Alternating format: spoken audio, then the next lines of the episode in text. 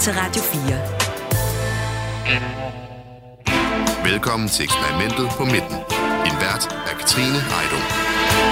Der er Dannebro i tårnet på Christiansborg i dag, for nu åbner Folketinget. Det sker officielt om en øh, lille times tid kl. 12, hvor Folketingsåret skydes i gang med møde og med taler i Folketingssalen. Og derfor så lyder eksperimentet på midten også lidt anderledes i dag. Vi er nemlig i uh, vandrehallen på Christiansborg. Måske kan man godt fornemme, at det rykker, øh, runger en lille smule. Og der kan vi altså følge med i den her festdag på tæt hold. Og det er ikke det vanlige panel, jeg har med mig i dag. Normalt der kigger vi her om øh, tirsdagen ind i maskinrummet i dansk politik, særligt med fokus på regeringssamarbejdet hen over midten. Men i dag der har vi taget lidt af virkeligheden med ind på Christiansborgs gange. Dagens panel består nemlig af lyttere, som er optaget af en særlig politisk sag. Jeg hedder Katrine Ejdum. Velkommen til. Du lytter til eksperimentet på midten på Radio 4. Ja, og i Folketingssalen, der skal altså i det her folketingsår helt sikkert diskuteres en masse politik. De 179 øh, folkevalgte politikere, der i dag er glade og festklædte, de skal debattere alt fra sundhed til landbrug, koranafbrændinger, retspolitik, hash, velfærd, økonomi, meget andet i løbet af det her folketingsår. Og i salen, der bliver der altså også vedtaget politik, som kan komme til at berøre dig og mig. Og derfor så har jeg i den her time tre lyttere med mig, der alle har øh, spørgsmål, undren, holdninger til konkrete politiske debatter. Velkommen til Mikkel Olsen. Tak for det. Helle Vind. Tak for det. Og Sabrina Søgaard. I løbet af øh, den næste times tid, så skal I møde nogle Christiansborg-politikere og stille dem spørgsmål om en dagsorden, der optager jer. Øh, Sabrina øh, Søgaard, hvilke forventninger har du? Oh, jeg er meget, meget, meget spændt. Ja. Øh, ja. Øhm, jamen, jeg har forventninger til, at øh, de har sagt ja til at stille op til det her, fordi de er interesserede i at høre på, hvad det er, vi har at sige, og de er interesserede i at, at give os nogle, nogle svar på det, vi har, det vi kommer med. Øh, ja, Er det med lidt sommerfuld i maven? meget. Det må man altså godt Ja. indrømme her, når man ikke lige nødvendigvis er vant til at øh, stå på øh, Christiansborgs gange mm. i vandrehallen og skulle møde øh, en række politikere. Hvad med dig, Mikkel Olsen? Hvilke forventninger har du? Jamen, jeg håber på, at øh, man kan komme med lidt øh, sådan konkrete svar på øh, folkets øh, konkrete øh, tanker omkring det. Øh, nogle gange så bliver det jo sådan lidt nogle øh, forblommede vendinger, politikerne bruger. Så jeg håber virkelig på, at der kommer sådan noget, det vil jeg gøre, og det vil jeg gøre. Vi har her i løbet af formiddagen, mens vi har gjort klar herinde, kunne se en øh, strøm af politikere. Der er en del af dem, der er i kirke lige nu, eller i hvert fald på vej tilbage øh, her i Vandrehallen. Og det er jo altså den der store trappe, som I sikkert også øh, kender fra øh, valgaftener på tv, som I selv er gået op af, og hvor de altså også kommer, øh, kommer ind her. Hvordan er det at være her, Hellevind? Jamen altså, jeg er jo også spændt, øh, og jeg er spændt på, øh, jeg håber, vi får en god dialog med de kære politikere, og hvis de bare tager lidt af det med, vi har at fortælle dem, jamen så har vi da gjort det godt. Er der noget, du indtil videre sådan har bidt mærke i, som måske har overrasket dig? Herinde? Ja, Nej, det synes jeg egentlig ikke. det er bare stille og roligt. Ja, men selvfølgelig de der sommerfugle, de er der, helt Ja. sikkert. Jamen ved I hvad, lad os, øh, lad os åbne buret og sætte øh, sommerfuglene fri, og lad os bare få den til at flyde afsted, fordi nu skal vi i gang med at tale om øh, konkret politik. Og hvis du har lyst til at deltage i øh, snakken, ja, så hedder jeg sms-nummeret her ind til jo altså 1424. Radio 4. Ikke så forudsigeligt. Nogle sidder på en bænk og drikker en øl, andre går måske en tur på volden eller lufter hunden mellem fristadens gamle kasernebygninger. Normalt så kommer øh, folk, både turister og københavnere og fra området til Christiania for at opleve det anderledes miljø midt i byen. Måske besøge et spillested eller gå en tur ved kanalen, snus til hvad der foregår i de her berømte gader herunder også Pusher Street. Men den 26. august, der ændrer stemningen sig virkelig for alvor, fordi to maskerede mænd træder ind på bygningen Stjerneskibet med skarplatte pistoler, affører skud. Målet er en 30-årig mand, og han dør efter at være blevet øh, ramt flere steder. Politiet mener, at mordet i øh, Hashallens Højborg var banderelateret, og de lokale vil have Pusher Street lukket, og det har altså antændt debatten om legalisering af cannabis i Danmark igen. På den ene side der vil Christianitter og Københavns overborgmester have cannabis legaliseret, mens øh, regeringen har indført hårde straffe på området. Og meningerne om det her område er jo mange, og debatten kører om det. Og sådan en har du altså også en mening, øh, øh, Helle Vind. Du arbejder som blomsterbud på nedsat tid. Du har ledegigt, og så har du faktisk selv taget cannabis gennem seks år. Hvad er dit forhold til det her stof?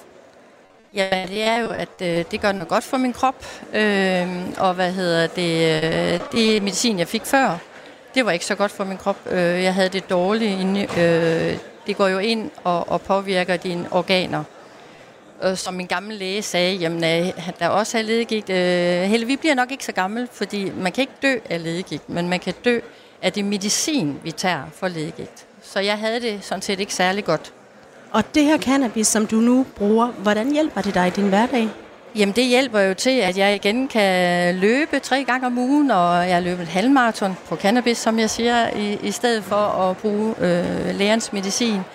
Jeg har fået mit liv tilbage, øh, hvor jeg før, øh, jeg gik også psykisk ned, for det er klart, når du har smerter over længere tid, jamen det, det er hårdt. Så det gik også ud over familien. Så, så det her, det gør jo, at jeg igen kan have et liv øh, med børnebørn, og jamen, ligesom alle I andre kan. Og med os øh, har vi også i vores lille intimistiske studie her to politikere, der har med lovgivning at gøre. Velkommen, retsordfører Rosa Lund fra Enhedslisten. Og retsordfører for Socialdemokratiet, Bjørn Brandenborg. Tak. Nu, nu har vi øh, måske en, en, en lille miniatyr øh, høring her, eller i hvert fald nogle spørgsmål. Helle Vind, lad os høre, hvad det er, du savner at høre fra politikerne på det her område. Jamen, det er selvfølgelig lovliggørelsen af cannabis, medicinsk cannabis. Altså, jeg er jo kriminel, fordi jeg tager ulovligt. Og det er fordi, der er meget, meget lidt THC i. Det skal jeg have, fordi jeg har ledegigt, og det er en betændelsestilstand. Så der skal jeg have meget lidt THC i, men det er ikke noget, jeg bliver påvirket af. Og jeg bliver jo slet, slet ikke høj af det. Men derfor er mit spørgsmål så der, hvorfor laver man ikke en grænse ligesom ved alkohol, sådan at jeg ikke skal være kriminel, og så jeg også kan føre bil uden at, at tænke, shit, jeg kan miste mit kørekort. Kunne man lave en grænse? Mm. Jamen, det mener jeg helt bestemt, at man kan. Øhm, vi går ind for, at i enhedslisten, at staten skal tage kontrollen over markedet. Altså man kan jo sige, at cannabismarkedet er en af de mest frie markeder, vi har i dag. Og der mener vi i enhedslisten, at man skal tage kontrol over markedet. Og det vil jo blandt andet betyde, at man kunne netop lave sådan en grænse. Så jeg synes, det er ekstremt fornuftigt. Det, det er jo ikke kun mennesker med ledegigt, som bruger medicinsk cannabis. Det er jo også, øh, nu har jeg selv sklerose, der er mange sklerosepatienter, som også bruger det, kraftpatienter, øh, og sådan kunne man blive ved. Så jeg synes, det er et super fornuftigt forslag.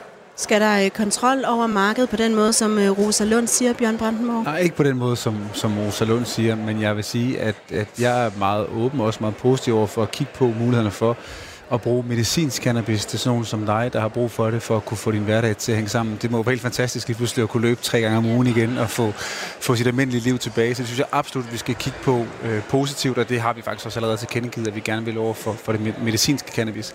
Men den anden del af det, som nok er det marked, som Rosa også gerne vil, vil have, der skal øh, øh, åbnes op for, er jeg sådan set ikke, er jeg ikke positivt stemt over for af flere grunde. For det første, fordi øh, den konflikt, du selv indledte med at snakke om, bandekonflikten, der kører nu, det må aldrig være sådan, at vi legaliserer stoffer i Danmark, fordi der er en bandekrig, fordi der er nogle kriminelle, der skyder og dræber imellem os. Det er den ene del. Den anden del er, øh, at der er, øh, ikke i hvert fald nu, øh, nogen af vores myndigheder, der anbefaler det.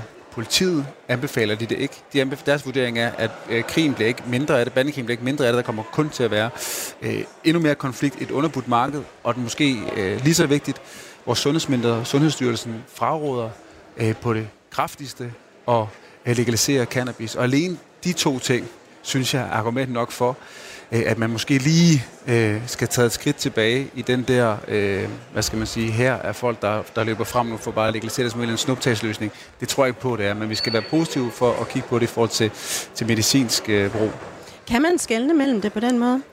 Ja, det kan man godt. Det kan man sagtens. Og der er jo også mulighed for, allerede i dag er der jo et arbejde i gang med at kigge på, hvordan man kan bruge medicinsk cannabis, og det synes jeg der er meget fornuftigt. Men der er meget forskel på øh, medicinsk cannabis for sådan nogen som dig, der får mulighed for at kunne få en hverdag til at hænge sammen, og så legalisere det på et marked, hvor det jo kan gå ud over rigtig mange, og det gør det jo i forvejen. Altså, grunden til, at Sundhedsstyrelsen ikke anbefaler det, det er jo blandt andet fordi, at der er en meget, meget stor risiko for at få tvangstanker, psykoser, øh, korttidshukommelse og alle mulige andre store senfølger, som, som jeg synes, man er nødt til som ansvarlig politiker at tage meget, meget alvorligt. Jamen, jeg er meget enig med Bjørn i, at vi er nødt til at tage alvorligt, at der er mennesker i dag, som får psykoser af for eksempel et hasmisbrug. Og det er, jo, det er jo der, hvor at vi i enhedslisten og jeg mener, at det kan vi jo netop stoppe ved at tage kontrol over markedet. Hvis vi som stat har styr på, hvad der bliver solgt, hvor højt de euforiserende indhold er, præcis ligesom med alkohol, hvem der må købe det, Altså, jeg kan love jer for, at pusherne ude på Christiania, de står ikke og tjekker ID, når der kommer nogen og skal købe cannabis. Øh, men det vil man jo kunne gøre som stat. Så, så jeg, jeg tror egentlig, Bjørn, jeg afbryder heller ikke dig. Jeg kan godt høre, hvad det er, du skal til at gøre nu. Jeg har vist ikke sagt noget nu. Øh, nej, men du, du trækker vejret på en meget Skal jeg bestemt også holde op måde. med det? Ja, tak. Det vil være dejligt. Vi skal bede ingen, ingen kropssprog og ingen vejrtrækning. Nej, okay. Præcis. Jeg kunne høre det. Jeg kunne høre det. Øhm, hvad hedder det? Nu kommer jeg selvfølgelig fra det. Jamen, det var i forhold til, om, øh, om man kunne kontrollere det, når man øh, netop sælger ja, det på den præcis. måde. Lige præcis. Og det mener jeg bare, at vi, vi skal gøre som stat. Og der tror jeg, at vi vil kunne gå ind og faktisk mindske antallet af hashpsykoser og misbrug, hvis man for eksempel kigger på den portugisiske model. Så det var i forhold til det. I forhold til medicinsk cannabis, så er det helt rigtigt, at der faktisk er sket store fremskridt. Øh, da jeg i sin tid var enhedslistens forskningsordfører, sin tid, altså tilbage i 2014, der lykkedes det faktisk at få sat en del penge af i forskningsreserven til netop øh, forskning i medicinsk cannabis. Og det er jo snart 10 år siden, så der er man faktisk nået ret langt. Og der lyder det jo som, vil jeg sige, på et regeringsparti her, altså øh, fra, fra Bjørn, Socialdemokraternes retsordfører, at der er man faktisk villig til også at sparke nogle døre ind. Øh, og jeg har det sådan, at lige i dag, der tager jeg, hvad jeg kan få. Så øh, hvis medicinsk cannabis er det, jeg kan få, så tager jeg det. Og nu skal Helle lige have lov til at... Øh, Nej, du hold holder vejret. vejret. Jeg holder vejret så længe nu. I kan få lov at, at trække vejret stille og roligt. Helle, fik du, fik du svar på det? Ja, det gjorde jeg jo egentlig. Øh, men når vi nu er ved det der, altså, jeg var jo så også, jeg har snakket med en gigtoverlæge, øh, der gerne vil, han fik jo netop penge dengang.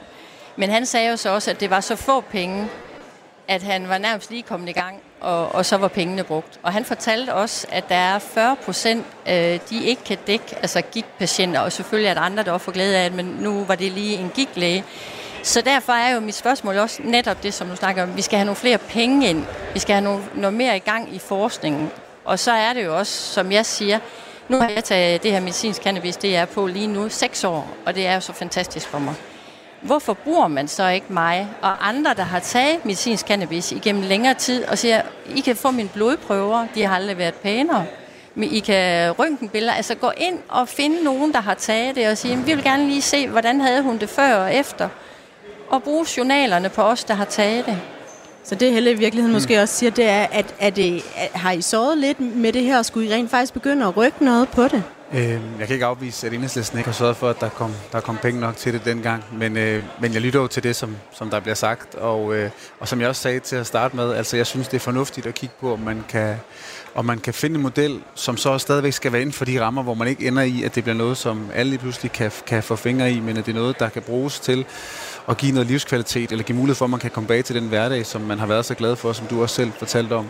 Men jeg synes også, altså inden man kommer for hurtigt i gang med, og sådan som, ikke som du siger det, nu peger jeg på, på vores gæst, men på Rosa, altså det med at legalisere det øh, øh, i vores samfund, kan man jo også kigge på nogle af de områder, nogle af de lande, hvor man har gjort det, hvor man ikke nødvendigvis har så gode erfaringer. Altså hvis man kigger på Holland for eksempel, så er der ikke blevet mindre kriminalitet af af den grund. Der er til gengæld kommet et, et marked, et underbudt marked, hvor banderne kæmper øh, og, puster, og, og puster nogle andre stoffer frem. Hvis man kigger til Portland i USA og andre steder, er det ikke fordi, man har nødvendigvis særlig gode erfaringer med det. Så jeg synes, man skulle, øh, man skulle trække vejret en gang, inden man sådan foreslår at legalisere cannabis, uden at lytte til vores politimyndigheder, vores sundhedsmyndigheder, eller uden at bruge nogle af de erfaringer, der er fra, fra andre lande, hvor man har gjort det. Og Hellevind, du gør jo faktisk noget kriminelt. Hvordan har du med det? Altså, det må jeg ærligt indrømme. Jeg er sådan set ligeglad. Ej, men det er jo også fordi, at Det er jeg to har... retsordfører, vil jeg bare lige sige. Altså også fordi, jeg har det så godt, og hvordan jeg havde det før. Så jeg vil jo ikke tilbage til at ikke kunne være social, og ja, som sagt, jeg har løbet en halvmarathon på cannabis, som jeg siger. Det kunne jeg ikke på de produkter, jeg fik før. Så øh, jo, jeg er kriminel, men det er jo så ikke noget, jeg gør ved. Men det kunne jo være fedt, at hvis det ikke var kriminelt, men også sådan, at der er andre Tænk sig, der går 40 procent af for eksempel dem med ledegik, der ikke kan blive smertedækket, som jeg heller ikke kunne. De har, de har det sgu ikke godt. Så ikke hjælp, hjælp for hunden, Ja, ja, jeg de er mennesker. enig. Ser du slet ingen fare i det her? Øh, nej, det gør jeg faktisk ikke. Altså, fordi jeg tænker jo, at lige præcis det, at man tager kontrol over markedet, gør også, at man kan lave en meget bedre misbrugsbehandling til dem, som skulle ende ud i et misbrug. Jeg er heller ikke enig med Bjørn i, at man har dårlige erfaringer med det. Øh, hvis du kigger på Portland, hvis du kigger på Portugal, hvis du kigger på øh, Holland. man har faktisk ret gode erfaringer med det, men det kan være, at vi skal udveksle statistikker, øh, øh, Bjørn og jeg. Det, øh, det synes jeg alligevel, vi gør tit og ofte, så det, det kan, kan vi jo også gøre i den her sag. Men må jeg ikke bare lige sige, at jeg synes jo, det er så mærkeligt, at her har man et produkt, hvor man kan sige, at vi kan se, at det virker på ledegigtpatienter, på sklerosepatienter. Jeg er selvfølgelig også ekstra investeret, fordi jeg selv har en kronisk sygdom på nervesystemet. Øhm, og så vil man ikke bruge det og sætte penge af til netop at kunne sikre, at folk kan være smertefri. Øh, men der, der hører jeg også, at der er en dør på klem her over hos Bjørn, og den har jeg da tænkt mig at gøre alt, hvad jeg kan for at blive helt åben. I aftalte jo faktisk, øh, Rosa Lund og Bjørn Brandenborg, øh, i en af vores andre politiske programmer her på øh, Radio 4, Det Røde Hjørne, at I skulle gå en tur på Christiania sammen. Har I fået en aftale i kalenderen? Ved du hvad? Jeg har ikke fået nogen invitation siden det program, så jeg venter stadigvæk i spænding og må se, om øh, jeg får tid i Rosa Lunds travle kalender. Hun har jo travlt med, at hun går til mange premiere og gallaforestillinger osv., så, så hvis hun på et tidspunkt også har lyst til det politiske arbejde, så vil jeg meget gerne, vil jeg meget gerne Det er ikke os alle sammen, der er medlemmer af sådan et stort parti som dig. Altså, jeg har syv ordførerskaber. Men jeg inviterer dig, og det kan mærke, inden, inden i aften, så har oh, du fået en mail med tre datoforslag. Skal, er du rød, og måske rød, får rød løbeoverfører? også. Skal I ikke med, eller hvad? jo, Maja, det må meget gerne komme med. Det lyder da som en øh, på alle måder øh, dejlig og hyggelig, og måske også oplysende tur til, til Christiania med jer. Tak skal I have begge to, retsordfører Rosa Lund fra Enhedslisten og retsordfører for Socialdemokratiet Bjørn Brandenborg. Og tak, øh, tak til dig, Helle Vind. Vi øh, skal nok tale sammen her øh, i løbet af senere på programmet. Du lytter til eksperimentet på midten på Radio 4.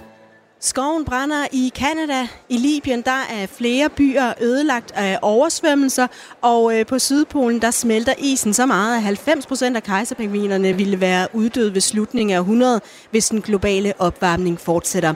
Klimakatastrofer har øh, nærmest været daglig læsning, når du i den seneste tid har slået op i avisen. Det står altså rigtig galt til. Det har vi også hørt øh, FN's generalsekretær Antonio Guterres øh, slå alarm for i sommer, hvor han sagde, det er altså ikke bare tale om global opvarmning, vi snakker om global kogning nu her. Og herhjemme der har vi slået varmerekorder på varmerekorder siden juni, og det betyder også, at vi netop har afsluttet den varmeste september nogensinde. Imens så bliver regeringen kritiseret for ikke at gøre nok – Faktisk så er Danmark på det seneste år kommet længere fra at leve op til sit klimamål for 25 og 30. Det fremgår af det årlige klimaprogram, hvor altså klimaministeren også skal gøre status over opfyldelsen af de her nationale mål. Og en af dem, der ikke rigtig er tilfreds med regeringens håndtering af klimakrisen, det er dig, Mikkel Olesen. Du arbejder som øh, bæredygtighedsrådgiver i et øh, ingeniør-arkitekthus, og så er du for nylig gået øh, rundt i kongeriget i protest mod klimaets tilstand. Ja. Hvorfor går du så meget op i det? Jamen, jeg synes, det er på den måde, øh, altså der er mange vigtige politiske debatter. Øh, jeg synes, det der er særligt ved den her klimadebat, og øh, det er, at, at det ligesom øh, er... Øh, jeg tror lige, vi skal lyde på over ved de andre, men hvad hedder det? Øh, at, du fortsætter bare, Mikkel. Der er gode folk på sagen. At, hvad hedder det? Øh, at det er sådan noget, der burde binde sammen på tværs. Og der er også undersøgelser, der viser, at 70 80 procent af danskerne øh, faktisk er bekymrede for de klimaforandringer, der er. Øh, enten i høj grad eller i meget høj grad. Øh, så jeg synes, at der er sådan en grundlag for, at man på tværs af politiske skæld der er jo nogen, der taler om decideret klimaangst, altså klimaondt i maven, klimabekymring. Er det også noget, du har? Øh, jeg synes, øh, hvis man i tale sætter det som angst, så bliver det sådan en ting, der bor ind i mig. Jeg synes i stedet for, at vi skal gøre noget ved de ting, der ligger rundt omkring os, i stedet for ligesom at personificere det. Så, øh, og ved du hvad, vi er så heldige, at vi har fået øh, nyt besøg her foran os til netop at tale om det her øh, emne. Og det er altså klimaoverfører for Radikale, Samia Narva, velkommen til. Og klimaoverfører for Moderaterne, Henrik Fransen, også velkommen til dig. Mikkel Olsen, hvad savner du at, at høre fra politikerne, når vi taler klima? Jeg øh, savner lidt at, at høre, øh, hvilke sådan konkrete handlinger, der skal til for at samle landet. Øh, fordi det her det er både globalt, og det er nationalt, og det er på individniveau. Og IPCC siger, at vi skal rykke på alle parametre på samme tid. Jeg synes, at der kan være en politisk debat, som er med til ligesom at puste til nogle af forskellene mellem land og by, og mellem generationer, og mellem sådan en højre-venstre øh, politik. Så jeg gad egentlig godt høre, hvad I kunne tænke jer sådan, øh, det næste år, år, som I står foran nu. Hvad er det for en retorik, I vil gå ind i i forhold til det her øh, klima? Øh, og debatten omkring det, for at vi kan samle Danmark omkring det, i stedet for at prøve at lave de her skæld, som jeg synes, at, at man ser. Jamen, øh, jeg synes, det er en rigtig, rigtig vigtig pointe, du tager op, øh, Mikkel. Øh, fordi det er meget, meget væsentligt, at vi har øh, store dele, helst hele befolkningen, det er nok svært at få det, men så mange med som overhovedet muligt på det her. Fordi det er jo en meget stor transformation af samfundet, vi er over i. Der skal ske en, en hel masse beslutninger, som nogle er indgribende over for folk, andre er ikke. Vi har sektorer, der skal ændres osv., ikke også? Så det er meget vigtigt, at vi har befolkningen med hele vejen øh, undervejs. Øh, og der er det også, tænker jeg jo også, at godt, hvis vi øh, i Folketinget jo snakker pænt sammen med hinanden omkring klima. Jeg ved godt, at vi har lidt forskellige perspektiver på det osv., ikke også? Men for mig og for, for os i Moderaterne, der er det, at vi har befolkningen med, det er essentielt. Og hvordan gør man så det, Henrik Fransen? Det gør man jo ved hele tiden at have en rigtig god dialog med, med borgerne, hele tiden øh, også tale pænt til hinanden i Folketinget. Det gør vi nu også, det er vi gode til. Men det gør man jo også ved at servere nogle løsninger, som gør, at øh, man tager hånd om de problemer, der er, de udfordringer, der er, men samtidig gør det på en måde, så vi også øh, kan bibeholde det fantastiske samfund, vi har. Vi har jo, synes jeg, et af verdens bedste velfærdssamfund. Vi har en høj levestandard. Vi har også en måde øh, at leve på, hvor vi jo gerne vil en gang imellem ud og rejse osv., ikke også? Så for mig, der er det at lave en, øh, en, en transformation og den grønne omstilling osv., det er simpelthen et spørgsmål om, at vi skal samtidig med, at vi får lavet den grønne omstilling, samtidig med, at vi kommer i mål med klimamålene, også sikre, at øh, borgerne stadigvæk har øh, et mindst lige så godt liv, som de har i dag. Og jeg tror på, at man kan vækste sig ud af klimakrisen. Jeg ved godt, det må man ikke sige i visse krise, men jeg tror på, at der er så stort et potentiale i at klimaomstille omkring øh, vedvarende energi, omkring hele fødevaresektoren. Øh, det at lave den om så gennemgribende, som den skal nu, det giver, det giver nogle fantastiske muligheder. Altså al omstilling, det giver også muligheder. Samia Nava, hvordan undgår man en polarisering i den her klimadebat, som jo er Mikkels spørgsmål? Jeg forstår sådan set godt behovet for, at vi ikke skal have polarisering, men jeg bliver også nødt til at sige, at jeg er ikke blevet politiker for ikke at handle for øh, at lade stå til indtil, sådan som Moderaternes klimaminister sagde, at 80 procent af befolkningen er klar til at bakke op. Jeg synes, det er vigtigt, at man som politiker også tager ansvaret på sig, og også kigger ud og ser, hvad er det for en klimakrise, vi har? Hvad er det for nogle handlinger, der skal til, øh, og ikke bare skåltaler. Og derfor så kan det godt være, at vi i hvert fald fra radikal side kommer til at, at træde lidt nogen over tæerne, og det gør man jo, hvis man siger, at man gerne vil have en CO2-afgift på landbruget. Men honestly, det er det, vi vil, og det vil vi for klimaets skyld, for de kommende generationers skyld, og for at vi kan give et bedre Danmark videre til de næste generationer. Og, og jeg synes, at jeg som politiker har en opgave i at indrette samfundet så det bliver nemmest muligt at træffe de grønne valg. Altså jeg vil ikke være den, der står og slår folk i hovedet om, at de træffer forkerte valg, men som politiker har vi et ansvar for at indrette samfundet, så det grønne valg, det bliver det nemme valg, og derfor så vil jeg rigtig gerne indføre nogle forbrugsafgifter på nogle af de øh, varer, der udleder allermest, og som vi i dag ikke betaler det fulde klimaaftryk øh, for. Men dermed ikke sagt, at vi ikke skal have hele befolkningen med. Vi skal tale pænt, og vi skal selvfølgelig forberede alle på, hvad er det for en tid, vi står for, men vi, vi, vi må ikke stikke folk blå i øjnene og sige, at vi kan fortsætte med at leve, som vi gør i dag. Øh, og der er ikke så meget, der ændrer sig, for det kommer til at ændre sig. Savner du forbilleder, Mikkel Olesen, i klimadebatten fra politisk side? Øhm, ja, det synes jeg egentlig, jeg gør. Jeg må nok sige, sådan personligt politisk, så ligger jeg nok øh, langt tættere på de radikale end på moderaterne, fordi det er jo nogle gange det, der sådan ligesom adskiller højre og venstre. øhm, Øhm, der er langt og, til næste valg, Henrik Fransen. Og, og det, er faktisk en, på, det er faktisk en af dilemmaerne, det er, at der er lang tid til næste valg. Og IPCC de siger, at de næste år de er helt afgørende. Der er en ung generation, der ikke rigtig er inde i øh, magtcentrummet eller i øh, handlingsrummet. Og de står ligesom og kigger på, øh, på nogle generationer, der sidder der, øh, og føler ikke rigtigt, at, at man tager det seriøst nok. Og det gælder både deres forældre, og det gælder politikerne. Det er i hvert fald det, jeg har hørt på, øh, blandt andet på min klimamarsch her øh, i marts måned. Magnus Højken, han siger, at han gerne vil huske som ham, der redder vandmiljøet.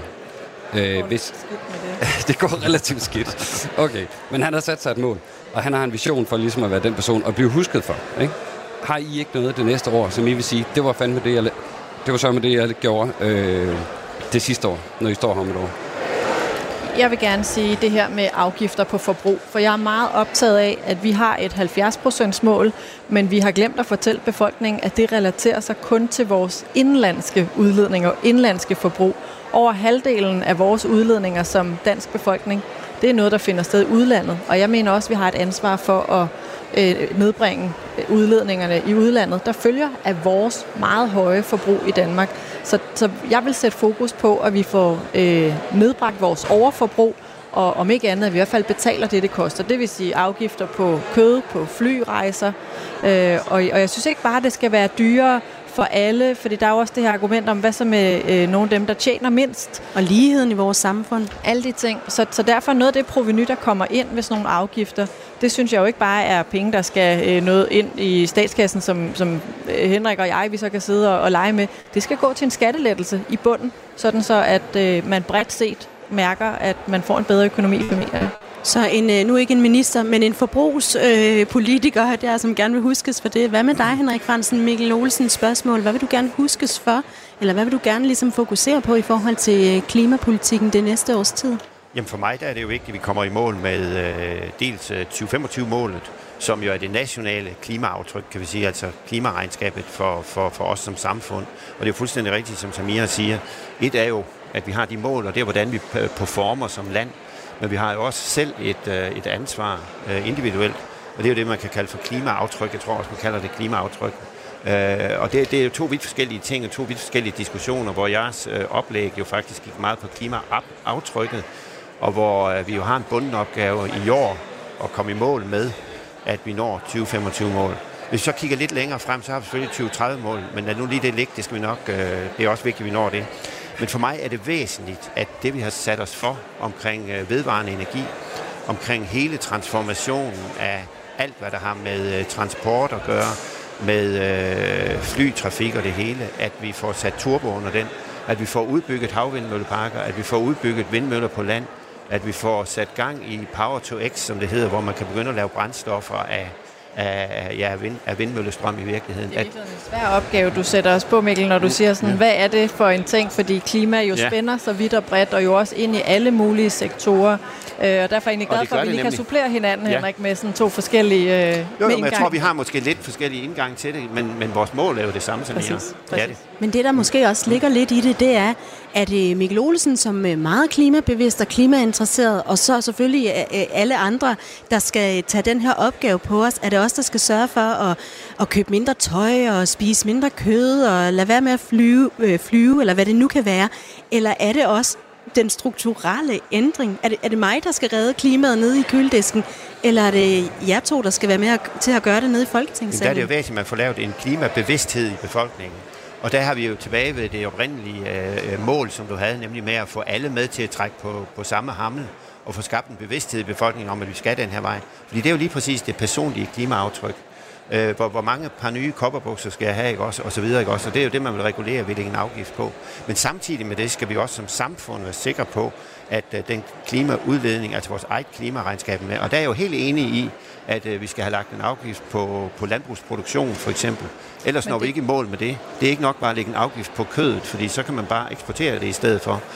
Øhm, ja. Det er ret vigtigt for mig, at det er politikere, altså det er os på Christiansborg, der tager ansvaret på os. Vi kan ikke give ansvaret til individerne, fordi så er det jo for eksempel, at sådan noget som klimaangst, det opstår, hvis man står der som individ og lige pludselig bærer hele ansvaret, og nogen også skyldfølelsen for, hvordan det ser ud omkring. Så, så det er politikere, det er os, der har ansvaret herinde på Christiansborg for at indrette samfundet, både så der er plads til vedvarende energi og den omstilling, øh, men også til at guide forbrugerne til at træffe de grønne valg, altså lidt mindre kød, øh, lidt færre flyveture øh, og lidt mere genbrug i stedet for nyt tøj. Det er vi helt enige. Det skal være nemmere at være klimabevidst. Ja, Man skal kunne gennemskue det, fordi jeg tror faktisk, der er mange, der har svært ved at vurdere, hvad er det egentlig, jeg skal gøre. Det er ikke nok bare at sætte forbruget ned. Det kunne være, at man skulle ændre sit forbrug over noget andet. Vi skal jo i hvert fald spise os mæt hver dag alle sammen. Ellers så går det jo galt på Hvad et tidspunkt. ønsker du dig, Mikkel, af os politikere, hvis der var én ting? Ja, undskyld, altså, jeg lige overtog den rolle. Ja, Kom du bare. Øh, altså, øh, to ting, og det første er ligesom at øh, ikke være bange for at i talesæt, hvordan situationen faktisk er, og hvad er det for en fremtid, som vores børn og børnebørn kigger ind i, også i forhold til klimaflygtninge, i forhold til det ikke frie valg, de får, fordi der kommer nogle kæmpe konsekvenser af ingen handling i dag. Øh, og så skabe de der helt tydelige visioner om, hvad er det for et samfund, som vi godt kunne tænke os om 30 år.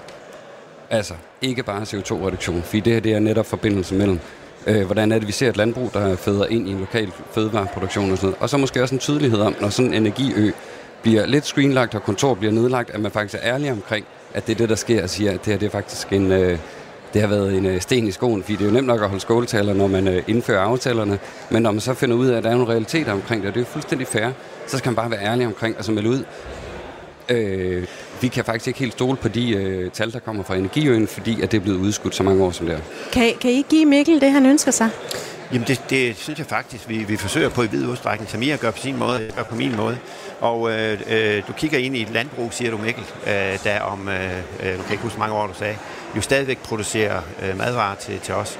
Og jeg ser jo også, øh, i dag er vi et landbrugsland. Det var vi for 100 år siden. Det skal vi også være om 100 år. Vi har en fantastisk mulighed til landbrugsproduktion. Vi skal bare sikre os, at vi får lavet en omstilling af landbruget, så det stadigvæk er en, en vigtig bidragsfaktor til hele vores øh, øh, samfund. Og det kan vi, hvis vi gør det rigtigt. Jeg, jeg hører ikke til dem, der, der siger, at hvis vi indfører en øh, klimaafgift på landbruget, så lukker det. Det tror jeg simpelthen ikke på. Det giver nogle muligheder for, for udvikling. Øh, og, og helt generelt, så har jeg det også på den måde, at øh, hvis vi går ud og siger til folk, at de skal nedbringe deres forbrug, de må ikke tage på flyrejser, de må ikke det ene, og de må ikke det andet, så risikerer vi med at miste en stor del af befolkningen.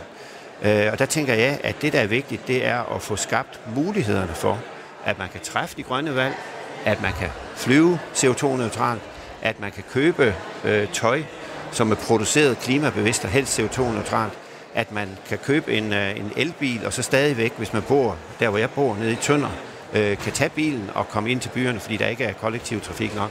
At man kan bibeholde ikke den samme levevis, som man har i dag, for den skal laves om, men, øh, men et levestandard, der, standard, der svarer til den, vi har i dag, og et velfærdssamfund, der svarer til det, vi har i dag. Du skal også lige have lov til at svare på det, Samia Narva. Altså, det, er jo, det er jo måske nogle lidt store ønsker, øh, Mikkel kommer med her i dag. Og så alligevel ikke, fordi det, jeg hører dig sige, Mikkel, det er ærlighed. Først og fremmest, ikke? Og så selvfølgelig visionerne.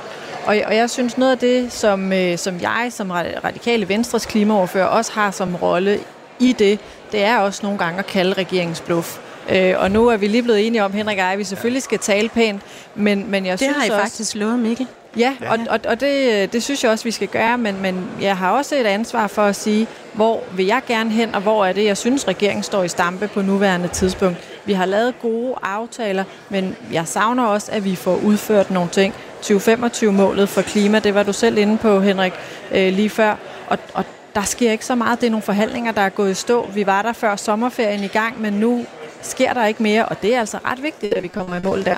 Udover at øh, Mikkel, som vi har med der her i dag, så har vi også, også øh, sms'er fra vores lyttere, og Daniel han skriver til mig, øh, som jeg gerne lige vil bede om at svare på. Han skriver nemlig, at vi skal hverken have mere vindmøller eller solceller. Det betyder, at vi skal have A-kraft. Det synes der, blev, der blev øh, Jamen, lidt nikket øh, og lidt rystet på Jeg vil hovedet. gerne sige, at, at, at i Moderaterne er vi ikke, er vi ikke modstandere af kraft. Uh, vi synes, det er, det er spændende nok at følge, og vi skal selvfølgelig også som, uh, som samfund være opmærksom på, hvis det er en mulighed. Jeg vil bare sige, at i den situation, vi står i lige nu, og med de beslutninger, der er truffet, og med de udviklingsmuligheder, vi har, der er det simpelthen ikke aktuelt. Det er for dyrt, og det passer ikke ind i vores uh, energisystem. Så at, at det er den grund, det er ikke fordi, jeg har en eller anden principiel uh, modstand imod Jeg har heller ikke nogen ideologisk modstand mod øh, atomkraft, men jeg er meget optaget af, at vi får handlet hurtigt, øh, og der er det jo bare, at øh, det, det tager simpelthen for lang tid at indføre A-kraft i en dansk kontekst. I udlandet, der virker det, øh, og man skal lade være med at lukke A-kraftværker ned, øh, fordi vi står i den her situation, og det er jo også noget af det, IPCC-rapporten viser, at uden A-kraft, der kommer vi ikke i mål på global plan.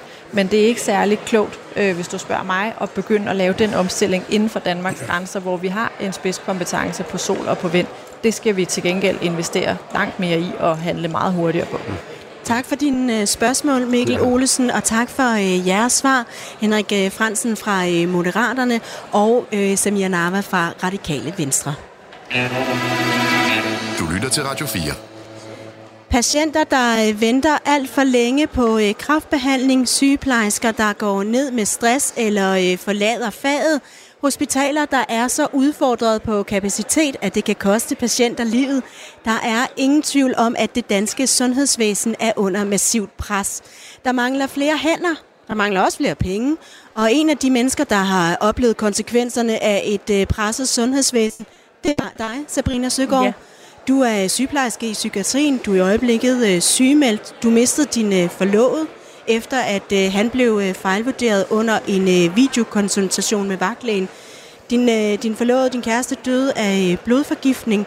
Og øh, de symptomer havde man øh, hos vagtlægen ikke øh, reageret på under en øh, videokonsultation, men i stedet bedt ham om at gå til egen læge den næste dag. Mm. Han dør i øh, løbet af natten, og det er selvfølgelig et øh, meget voldsomt øh, fortælling og et voldsomt forløb, som vi ikke kan brede ud her.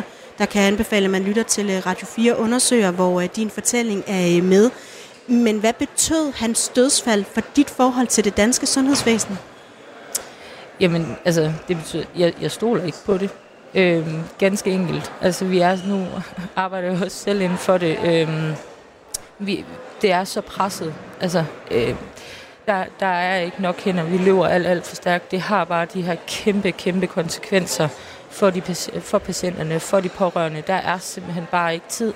Det er ligesom om, at det er blevet sådan en pengemaskine med, jo flere vi kan få igennem, jo hurtigere, jo flere penge sparer vi, eller jo flere, altså, det er, og, og det, vi går bare på kompromis med patientsikkerheden. Det gør vi virkelig. Er det også din egen oplevelse i din øh, faglighed, når ja. du er på øh, arbejde? Ja, det er det. Med os der har vi øh, to politikere til at snakke om det her emne. Det er Louise Brown, sundhedsordfører for Liberal Alliance, og så er det Jens Henrik Tulsendal, som er sundhedsordfører for Danmarks Demokraterne. Ja. Hvad er det, Sabrina Søgaard, du gerne vil have svar på fra politikerne? Jamen først og fremmest, så er det jo, at vi i Danmark jo praler af en velfærdsstat. Mm. Øhm, og for mig at se, og for rigtig, rigtig mange danskere, så er velfærd lige med sundhed. Altså, vi, hvis vi ikke har et ordentligt sundhedssystem, så har vi jo ikke en velfærdsstat. Så hvorfor er det, at det altid er sundhedssektoren, der, øh, der lider under sparkniven? Og hvorfor er det, at det er den, der nedprioriteres gang på gang, til trods for, at vi øh, til diverse valgrunder og alt muligt andet bliver ved med at love, at, at den bliver hævet op. Først vil jeg beklage dit tab. Det øh, må være en frygtelig oplevelse, du har været igennem. Øhm, vi skulle have haft regeringspartierne her til at kunne svare på, hvorfor, øh, hvorfor der bliver prioriteret, som der gør. Øhm, vi er i hvert fald ikke et parti, der har lovet flere penge i vores sundhedsvæsen.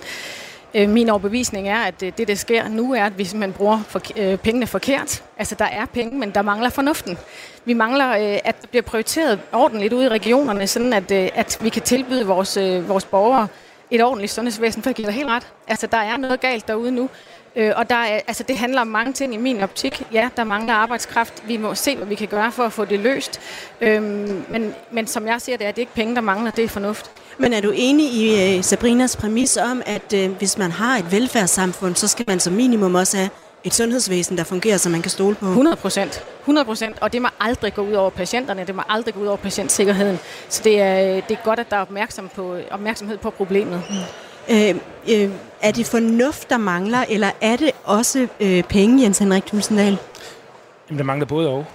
Øh, fornuften i forhold til det, du desværre har, har oplevet, fordi der går man jo ind og bruger øh, videokonferencer til noget, de ikke burde være brugt til.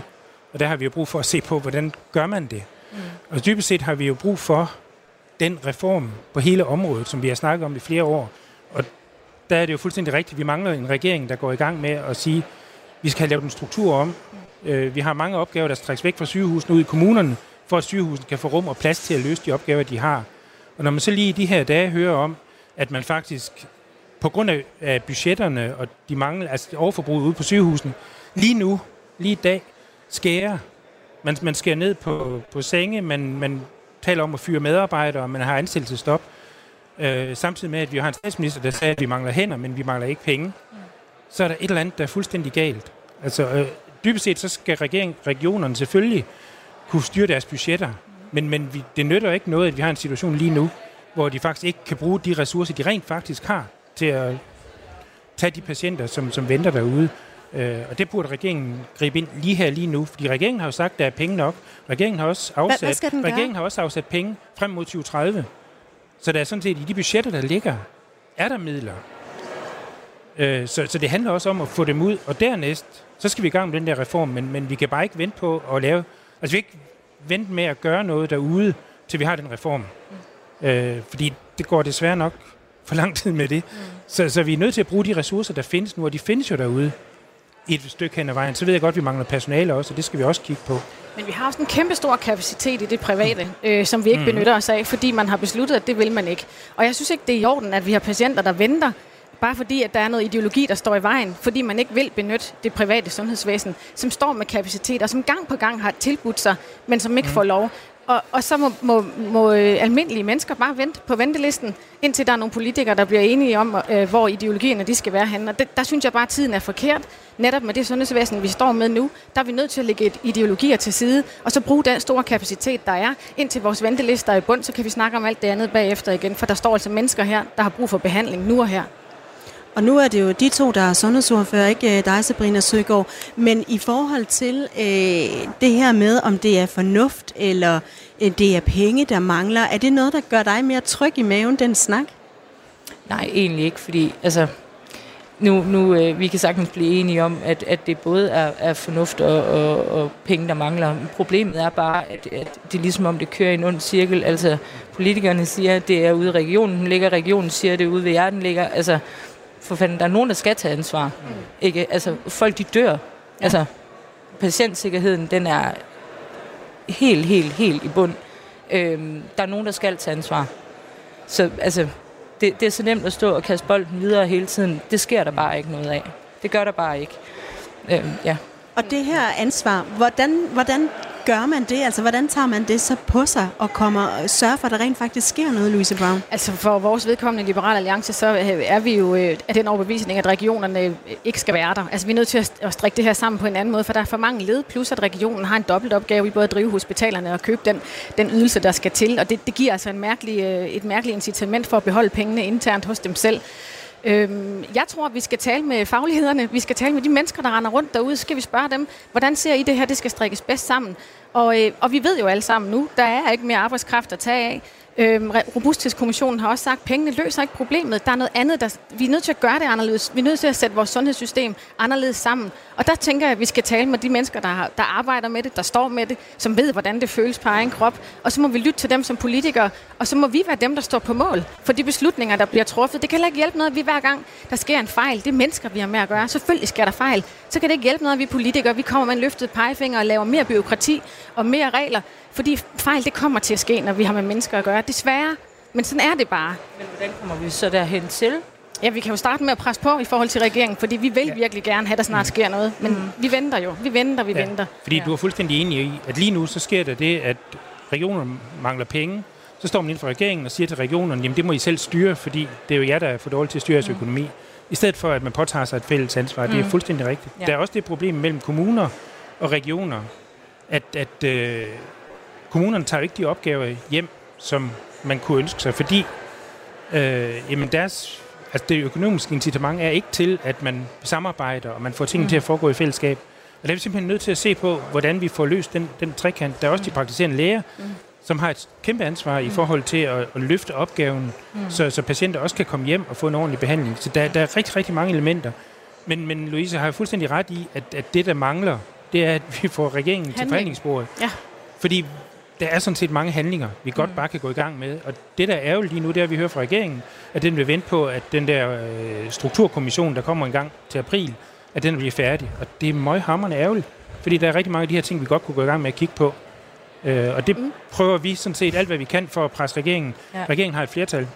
Så uanset om vi får alle partier med uden regeringen, så er det ikke nok til at tvinge regeringen til noget, desværre. Mm. Godt. Ja. Øh, et andet spørgsmål, jeg har, det er, øh, nu er jeg jo så rendt ind i den, eller vi som familie er rendt ind i den situation, at vi jo har klaget over den her vagtlæge.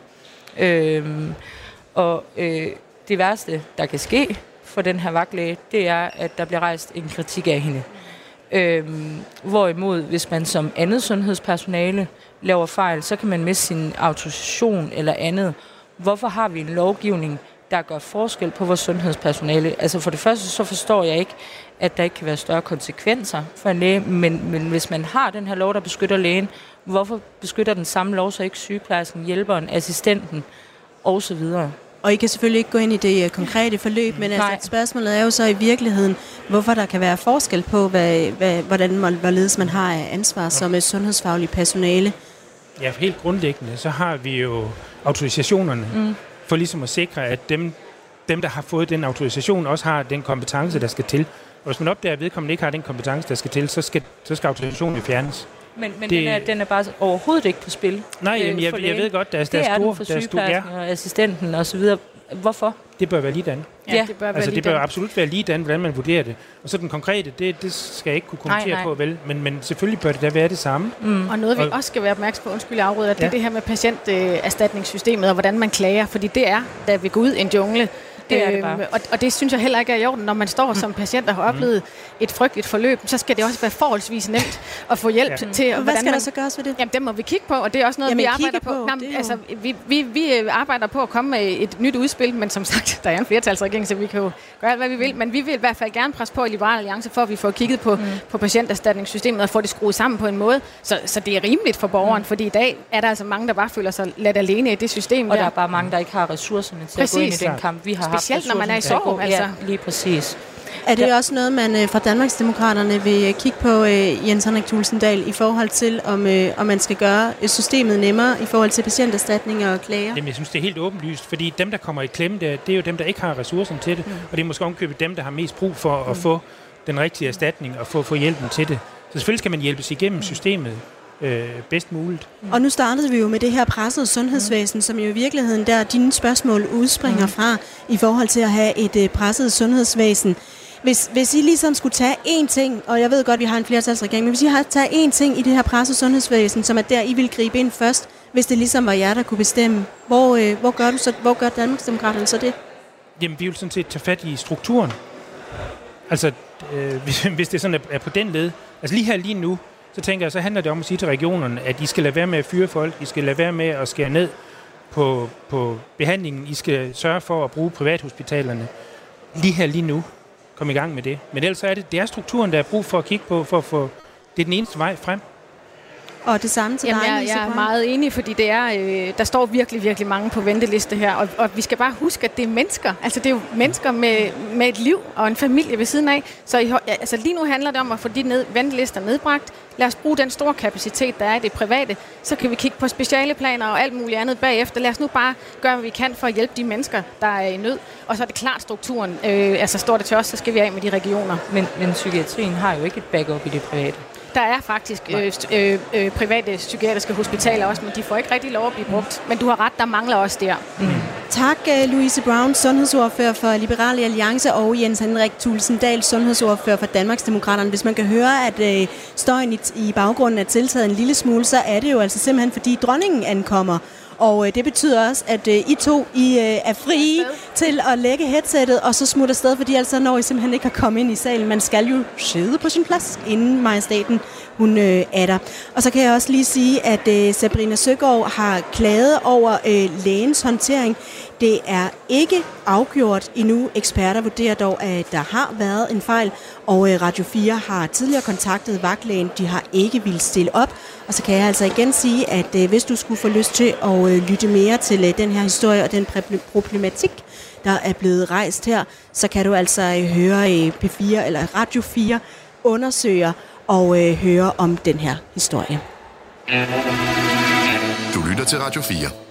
Vi har talt om legalisering af hash, vi har talt om klimaansvar, vi har talt om et presset sundhedsvæsen i den her særudgave af eksperimentet på midten, som i dag sender fra Christiansborg i anledning af Folketingsårets åbning. Det er jo altid her den første tirsdag i oktober.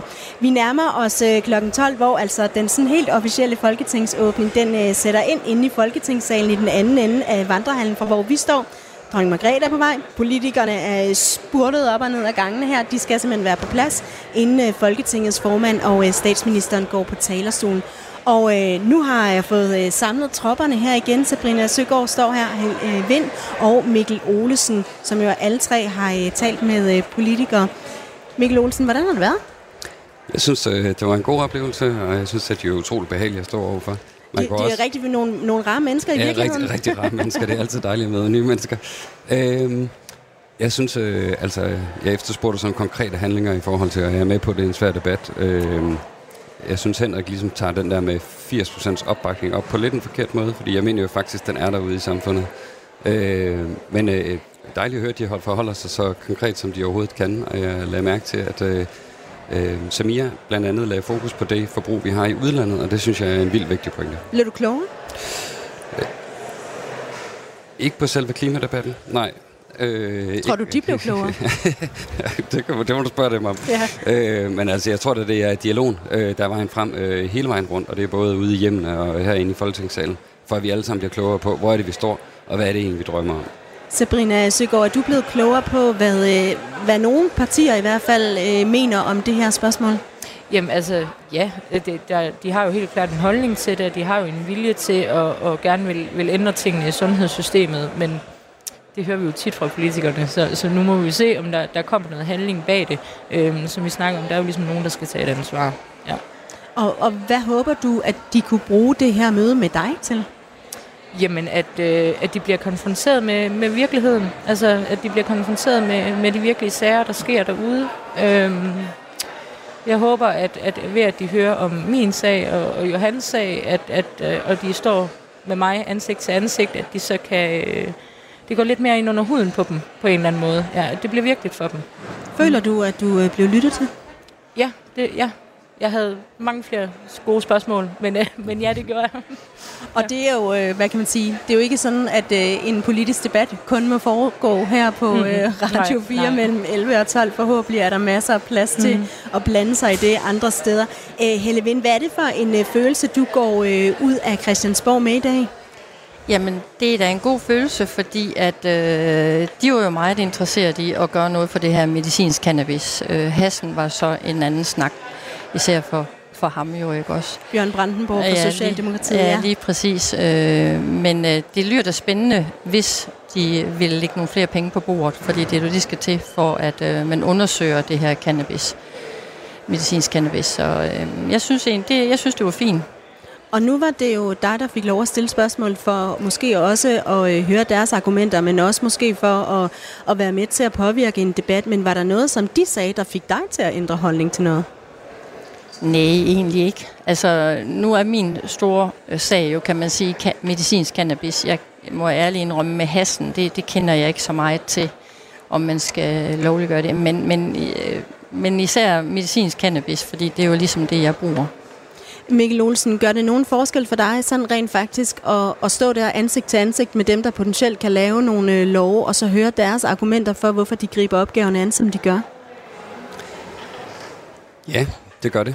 Øh, og jeg tror øh, lidt ligesom øh, du sagde, nu peger jeg over for dig, jeg kan ikke lige Sabrina. Sabrina, øh, så er det jo lidt det der med, at der er mange ord, og jeg Mm. sagde, at hvad er det for en retorik, I vil gå ind med? Så øh, at det ligger selvfølgelig op til, at det kan være en masse snak, men altså, vi mangler faktisk lidt de der konkrete handlinger.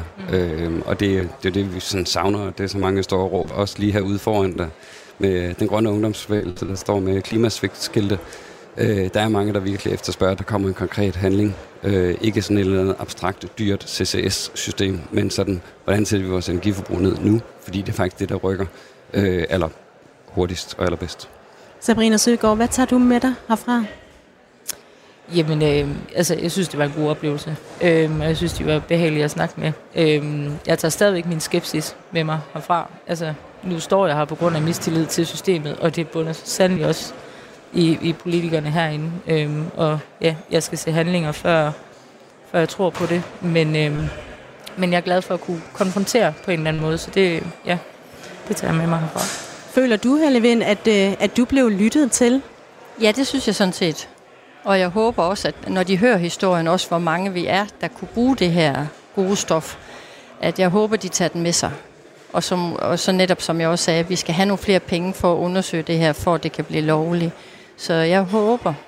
Men øh, som du også siger, vi har jo hørt det før, de lover, og så sker det måske ikke så meget. Nej, og Men vi har lov til at krydse fingre. Ja, og vi, vi, vi har taget en, en lille time tid Lige af et, øh, et stort radiobillede og en endnu større øh, medievirkelighed og en endnu større politisk spil måske. Og, øh, og derfor så øh, tror jeg heller ikke, at vi kunne love, at øh, de lige ville øh, hive det ene og det andet op af Nej. tasken og love jer alt det. Men, øh, men fik I sagt det, I øh, havde på hjerte? Fik du sagt det, du havde på hjerte, Helle? Ja, jeg har jo rigtig mange spørgsmål, men jeg, jeg, jeg, jeg synes, øh, fordi at de kom ind på noget, og så kastede jeg nogle af mine spørgsmål op. Så jo, jeg synes, jeg, jeg fik sagt det, jeg gerne ville. Og det samme gælder øh, sådan set her. Altså det folder jo altid endnu flere spørgsmål ud, når man Ja. står i sådan en situation. Men øh, jeg synes, det gik Sabrina Søgaard, du havde en hel liste af spørgsmål, du egentlig gerne ville have stillet, og selvom at, øh, at der ikke kom øh, svar på det hele, og heller ikke rigtig faktisk noget lovning på handling, Mm. fik du alligevel øh, lettet en lille smule? Altså ja, det, det gjorde jeg jo selvfølgelig. Jeg havde, jeg havde især to andre sådan lidt store emner, øh, jeg gerne ville have. Jeg synes, der var lige så vigtigt som det første. Men, men det første spørgsmål skabte jo en pæn debat, så det, øh, ja, det er fint. Der var i hvert fald øh, nogle politikere, som rent faktisk gerne ville øh, lytte og øh, gerne øh, have mulighed for at øh, svare på nogle af jeres mm. spørgsmål. Vi skal øh, til at måske øh, lade, øh, hvad skal man sige, give mikrofonen øh, videre her.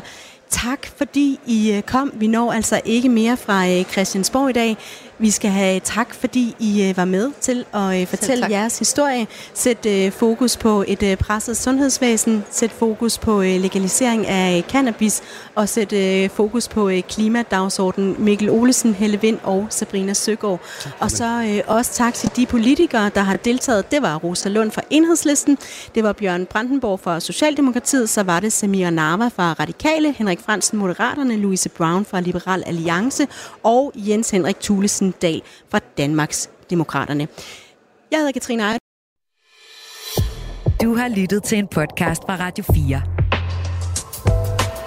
Find flere episoder i vores app, eller der, hvor du lytter til podcast. Radio 4. Ikke så forudsigeligt.